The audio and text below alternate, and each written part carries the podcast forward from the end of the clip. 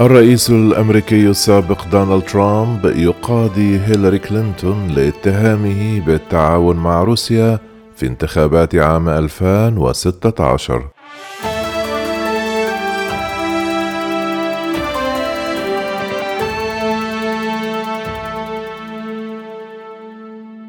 رفع الرئيس الأمريكي السابق دونالد ترامب دعوى قضائية ضد هيلاري كلينتون وعدد من الديمقراطيين الآخرين متهما إياهم بمحاولة التلاعب بالانتخابات الرئاسية لعام 2016 من خلال ربط حملته بروسيا.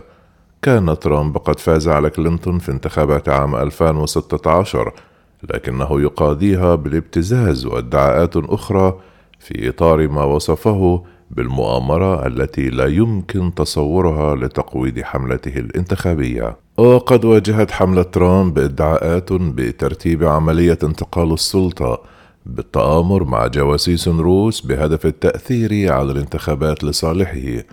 وخلص تقرير نشرته لجنة من مجلس الشيوخ الأمريكي الذي يقوده الجمهوريون في 2020 إلى أن روسيا استخدمت ناشطا سياسيا جمهوريا هو بول مانافورت وموقع ويكيليكس في محاولة لمساعدة ترامب على الفوز بالانتخابات وتنفي موسكو أي تورط لها في الأمر.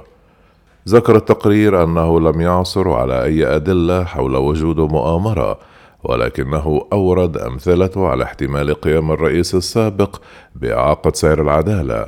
تقول الدعوى القضائية التي رفعها ترامب إنه في الفترة التي سبقت الانتخابات الرئاسية في 2016 عملت السيدة كلينتون ومساعدوها على تدبير مؤامرة لا يمكن تصورها.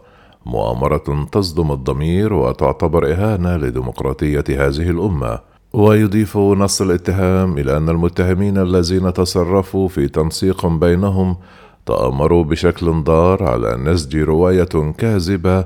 مفادها أن خصمهم الجمهوري ترامب كان يتواطأ مع دولة أجنبية معادية ولم تعلق المرشحة الديمقراطية السابقة للرئاسة حتى الآن على الدعوى القضائية التي تسعى للحصول على تعويضات مادية وتأديبية. قال دونالد ترامب إنه اضطر لتحمل نفقات تجاوزت 24 مليون دولار. ووردت أسماء أشخاص آخرين في الدعوى من بينهم الرئيسة السابقة للجنة الوطنية الديمقراطية ديبي وازمان شولتز والمدير السابق لمكتب التحقيقات الفيدرالي جيمس كومي والمستشار السياسي الديمقراطي جون بوديستا. وأسفر التدخل الروسي المزعوم في الانتخابات عن تحقيق طويل استمر عامين برئاسة المحقق الخاص روبرت ميلر.